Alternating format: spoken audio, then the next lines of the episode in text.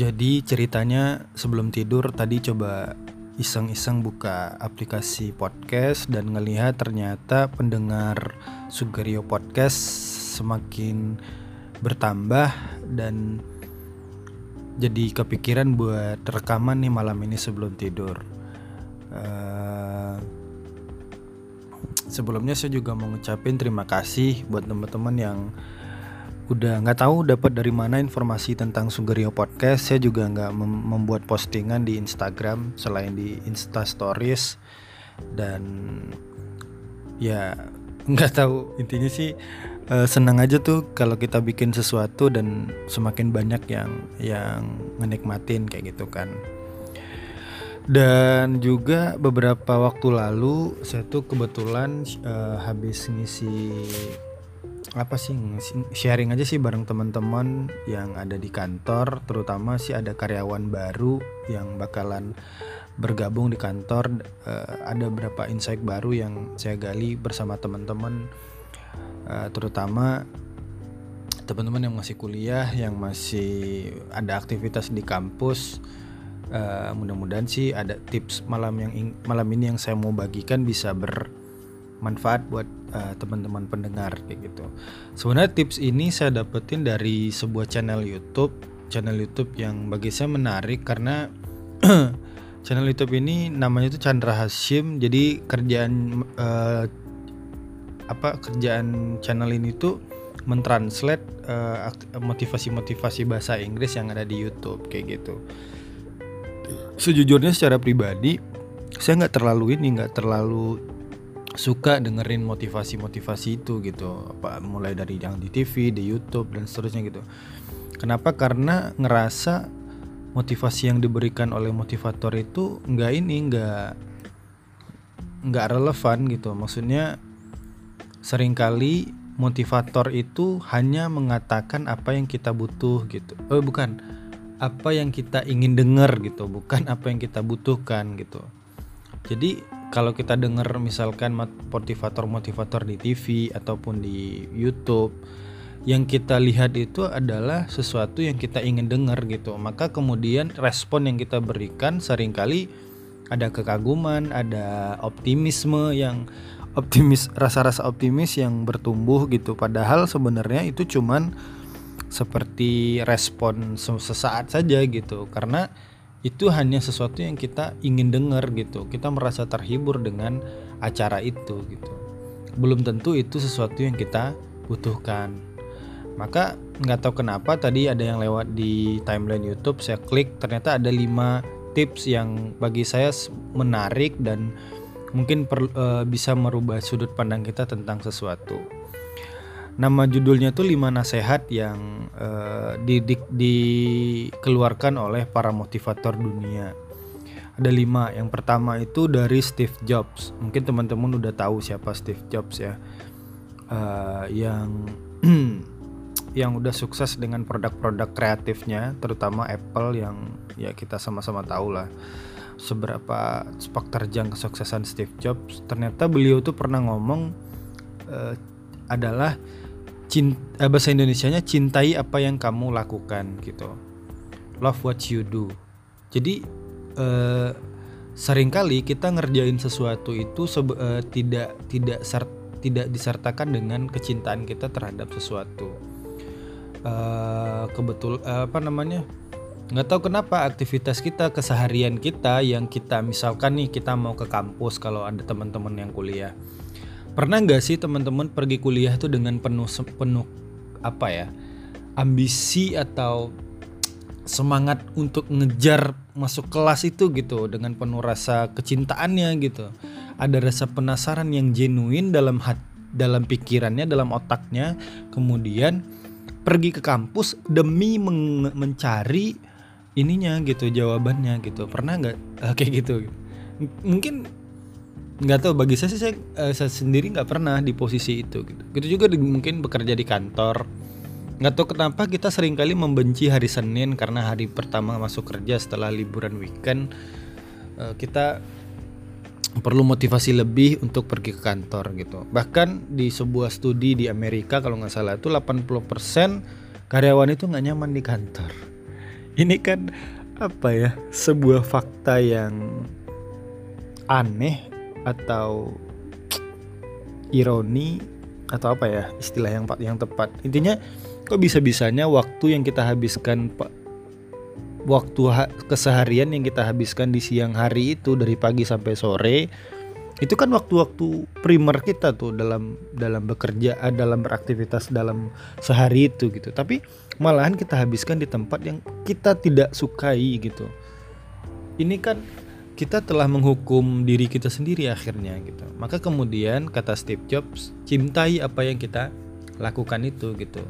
Gimana sih ketika kita pergi ke kantor dari rumah itu memunculkan rasa apa ya semangat kemudian ada sesuatu yang dikejar ada visi ada misi yang sedang ingin di, dilakukan dan seterusnya kayak gitu. Itu yang pertama.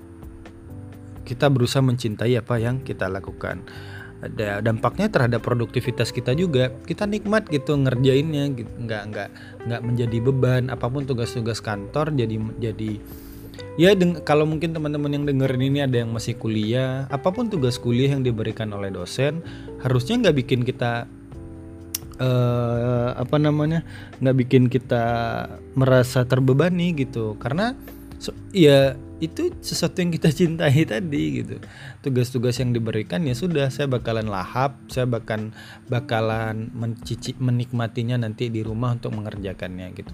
Jadi menyelami tugas-tugas itu dengan penuh kenikmatan gitu. Prosesnya tuh jadi sesuatu yang uh, bikin kita seneng ngerjainnya gitu itu yang pertama. Yang kedua kata Jeremy Anderson saya nggak tahu nih Jeremy Anderson ini siapa. Kayaknya juga termasuk motivator dunia juga atau orang-orang sukses di dunia. Kata beliau apa pun yang terjadi nilai dirimu tidak akan berubah. Kayak gitu. Jadi kalau kita memegang prinsip ini mungkin kayak jadi ah, jadinya kita e, ngerasa ngerasa nyaman aja gitu setiap hari. Apa pun terjadi nilai dirimu tidak akan berubah katanya. Kan ya betul juga sih gitu. Maksudnya ketika misalkan nih saya di atau teman-teman pernah di di di di, di apa ya dibully di di diinjek-injek apa atau di apa pun lah diapa diapakan di mau diapakan kita sebenarnya nilai kita nggak berubah gitu. Diilustrasikan di di kata kata Jeremy Anderson ini seperti uang uang itu kita apa-apakan. Kita mau lipat-lipat kita mau injek-injek kita mau robek kemudian kita masukin ke lumpur. Nilainya bakalan tetap gitu nggak bisa nggak bisa berubah gitu. Artinya apa? Ya ketika robek ya kita tinggal ini kan di diisolasi aja gitu dan bakalan jadi uang lagi. Jadi diapa diapakan apa sih di, di mau diapakan kita itu nggak bakalan ngerubah nilai diri kita gitu bener bener juga sih gitu. Ketika ada orang yang menjelek-jelekan kita memfitnah kita menuduh kita atau membenci kita ya nilai kita juga segitu doang segitu aja gitu nggak nggak bakalan berubah. Maka kemudian respon kita harusnya sih nggak nggak nggak ini nggak nggak jadi menjadikan itu sebuah tekanan tersendiri. Kita ya udah slow aja menjalankannya gitu me me meresponnya kayak gitu. Itu yang kedua. Yang ketiga kata Gary V nih Gary V mungkin teman-teman tahu ya siapa uh, kalau nggak salah yang yang ini ya yang punya invest yang salah satu investor di Uber kalau nggak salah Beliau bilang tidak ada sukses yang instan di dunia ini. Nah ini penting juga buat kita-kita nih yang muda-muda. Seringkali kita melihat pemandangan kesuksesan seseorang itu dari uh, tidak dari awal. Kita taunya udah dia udah sukses aja gitu. Dan kita nggak pernah ngelihat di belakangnya gimana perjuangan dia gitu. Karena memang nggak diungkit juga secara apa ya, secara publikasi Artinya orang-orang sukses sering kali ya udah cerita-cerita dia berjuangnya nggak pernah diinikan. Kenapa? Karena bagi e, menurut saya adalah orang sukses itu atau ya mereka-mereka yang hari ini sudah berada di puncak kesuksesan atau ketujuh cita-cita mereka uh, saya lihat saya menduganya kenapa cerita di balik layarnya nggak pernah diungkap? Karena si si punya yang punya apa namanya ya orang yang sukses ini nggak nggak merasa dia sedang berjuang. Ngerti nggak? Maksudnya apa ya? Uh, ya ibaratnya nih dia dia naik tangga tuh ya naik tangga mendaki tak mendaki mendaki kesuksesannya ada, ada setiap anak tangga dia daki terus dan terus. Dan itu tuh semacam proses yang dia nggak ngerasa juga itu sebuah perjuangan yang berat. Eh gimana ya bilangnya ya? Uh, intinya uh, kalau poin yang ingin disampaikan oleh Gary V kita tuh harus siap mendaki mendaki jalan atau mendaki tangga kesuksesan itu gitu. Ini lagi-lagi saya kayak kayak motivator ya. Uh, saya juga saya juga bukan mengklaim saya udah sesukses itu tapi uh, saya saya juga belajar ternyata kadang-kadang saya misalnya nih uh, bikin sesuatu nih di di blog misalkan. Kemudian ngelihat ternyata view tulisan kita nih bagus agak tinggi nih. Kemudian besok naik tulis lagi kemudian nulis lagi sampai tiga kali empat kali nulis konsisten kemudian berhenti. Nah sering kali konsistensi ini berhenti karena ini karena kita ngerasa udah bikin sesuatu yang besar atau yang banyak yang melelahkan ternyata dampaknya nggak begitu. Akhirnya kita down. Padahal sebenarnya setiap proses e, menuju sesuatu itu ya nggak instan gitu. Ada banyak proses yang hal yang boleh jadi yang kita lakukan masih kecil sekali gitu. Masih banyak hal-hal besar yang harusnya kita lakukan. Waktu-waktu kita yang harus kita e, habiskan, tenaga-tenaga kita, pikiran kita, pengorbanan-pengorbanan itu masih jauh gitu. Akhirnya kita udah keburu uh, down padahal sebenarnya kita belum ngelakuin apa-apa Kenapa? Karena memang kayaknya standar kita ngerasa kita udah berjuang itu masih terlalu kecil gitu. Itu masih hal yang masih terlalu buru-buru kita menentukan bahwa saya udah berjuang dan harusnya sih saya udah sesukses itu. Padahal sebenarnya boleh jadi kita nggak belum segitunya yang kita kerjakan kayak gitu. Jadi kata Gary Vee, nggak ada sukses yang instan di dunia ini. Maka kemudian kita nikmatin aja proses-proses itu gitu ya. Proses yang panjang itu untuk mengejar misi kita yang kita ingin capai ya udah kita nikmatin perjalanannya ke situ gitu dan yang keempat kata Jim Rohn. Saya juga nggak tahu nih Jim Rohn ini siapa. Katanya jadilah versi terbaik dirimu. Nah ini juga menarik nih. Pernah nggak sih teman-teman uh, nanya ke diri kita sendiri saya udah jadi versi terbaik saya nggak sih? Gitu. Pernah nggak sih nanya kayak gitu? Maksudnya ketika kita misalnya hari ini kita udah banyak nih pencapaian mungkin ya atau sesuatu yang sedang kita usahakan. Nah pertanyaannya pernah nggak kita berpikir saya udah ngelakuin ini dengan versi terbaik saya nggak gitu? Kalau saya kalau coba nanya diri nanya balik ke diri saya, saya bisa jawab enggak belum. Apa yang saya lakukan belakangan ini atau beberapa waktu belakangan kayaknya nggak versi terbaik saya gitu. Kenapa? Karena memang saya nggak seserius itu, saya nggak seantusias itu saya nggak seambisius itu dalam mengejar sesuatu gitu ya udah seadanya saja kalau kata orang ngalir aja gitu. Padahal sebenarnya apa pun yang sedang kita lakukan hari ini harusnya kita ngerjainnya dengan versi terbaik kita. Kayak gitu. E, sesimpel misalkan teman-teman yang masih kuliah bikin tugas yang disuruh dosen itu itu udah versi terbaik belum? Atau kita udah ngerjain dan kita kumpul tanpa perlu melihat kembali ini udah versi terbaik belum gitu sesimpel itu. Termasuk ketika teman-teman kerja di kantor. Ketika ada tugas nih dari pimpinannya misalkan dari manajernya. Kemudian setelah dilakukan pernah nggak sih ngerasa perlak aktivitas yang kita lakukan ngerjain tugas itu adalah versi terbaik kita? Pernah nggak gitu? Uh, saya jadi ini saya jadi flashback ternyata saya nggak sampai di titik itu. Maka kemudian ya kayaknya waktunya waktunya kita ber, merubah perspektif kita tentang sesuatu yang kita kerjakan. Dan ini bukan hanya tugas-tugas kuliah bukan tugas-tugas kantor saja. Semuanya gitu apa yang kita lakukan pertanyaannya udah masuk udah terkategori versi terbaik kita nggak? Kayak gitu. Ini kan menjadi sesuatu yang yang menarik untuk kita pahami atau kita kita renungi gitu eh, jangan-jangan memang selama ini kita ngerjain sesuatu emang setengah-setengah aja gitu. Nah pertanyaannya kita mau yang setengah-setengah apa mau yang terbaik versi terbaik kita itu gitu. Lalu ketika kita misalkan terlalu nyaman atau terlalu malas untuk menjadi versi terbaik, lalu kita buat apa ngerjain menjalani kehidupan kita ini gitu. Asik.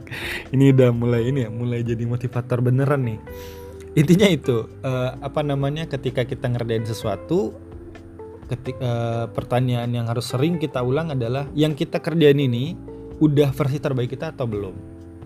Kalau belum ya udah bikin versi terbaik kita gitu. Akhirnya kita puas. Kayak gitu. Jadi misalkan kayak ujian atau di kampus kita ada ujian kemudian ada pertanyaan seberapa perfect kita me me me mengerjakan itu? Seberapa sempurna kita? Seberapa apa namanya? Ambisi kita ambisius kita seberapa ambisius kita mengejar kesempurnaan dalam menjawab soal-soal ujian. Kayak gitu gitu. Ya misalkan kita nulis nulis jawabannya dengan penuh kerapian dengan penuh memang betul-betul ingin sempurna zero mistake gitu. Dan emang eh, nggak uh, peduli dosen bakalan ngelihat seperti apa. Maksudnya misalnya tulisannya agak jelek misalkan karena kita buru-buru bikinnya kita mikir ya udah yang penting apalagi nih teman-teman yang eksak udah yang penting kan jalannya betul hasil jawabannya betul. Padahal sebenarnya itu masih seadanya seadanya kita bikin belum seterbaik yang kita mau bisa bikin gitu. Kan gitu ya kalau mau terbaik ya kita bikin rapi-rapi misalkan tulisannya kemudian jawabannya juga rapi dosennya juga seneng gitu kan. Secara nilai mungkin sama dengan teman-teman kita yang lain yang jawabannya sama tapi tidak terlalu serapi kita.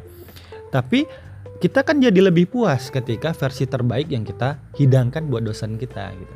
Dan sebenarnya lebih dari itu kita bukan untuk dosen lagi ya.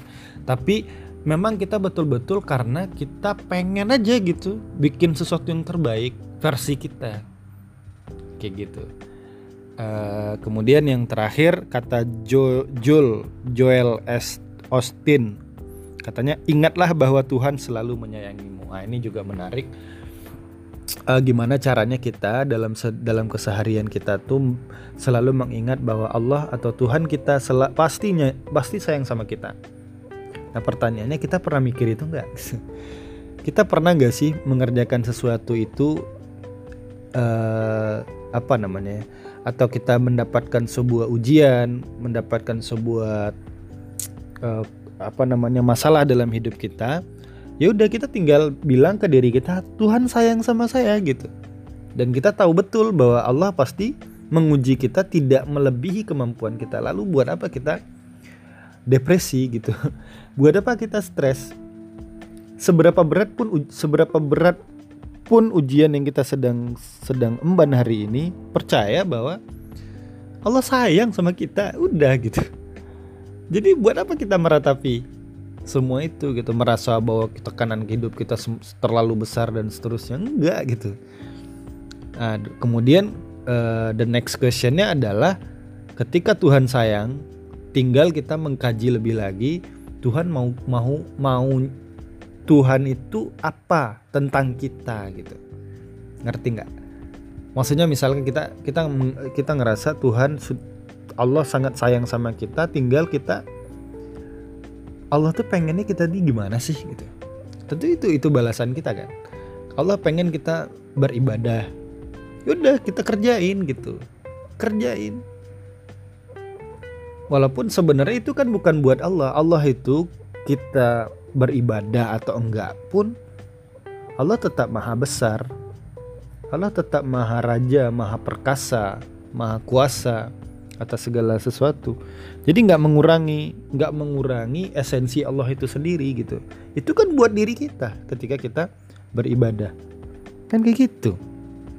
Lalu uh, uh, ya bagaimana kita melihat melihat uh, apa namanya mengisi uh, keseharian kita dengan penuh ibadah dan selalu mengerjakan suatu ikhlas karena Allah Subhanahu wa taala. Nah, ketika ketika kita bisa menempatkan segala hal yang kita kerjakan itu orientasinya untuk Allah, udah semuanya nyaman-nyaman aja gitu. Apa pun konflik, apa pun masalah yang kita hadapi, kita tahu betul Allah sayang sama kita. Udah. Gitu kan. Jadi itu mungkin uh, lima tips ya yang saya dapat dari YouTube yang lewat di, di di ini di timeline tadi. Yang pertama cintai apa yang kamu lakukan. Yang kedua apa pun yang terjadi nilai dirimu itu tidak akan berubah. Jadi santai aja, slow aja kita gitu.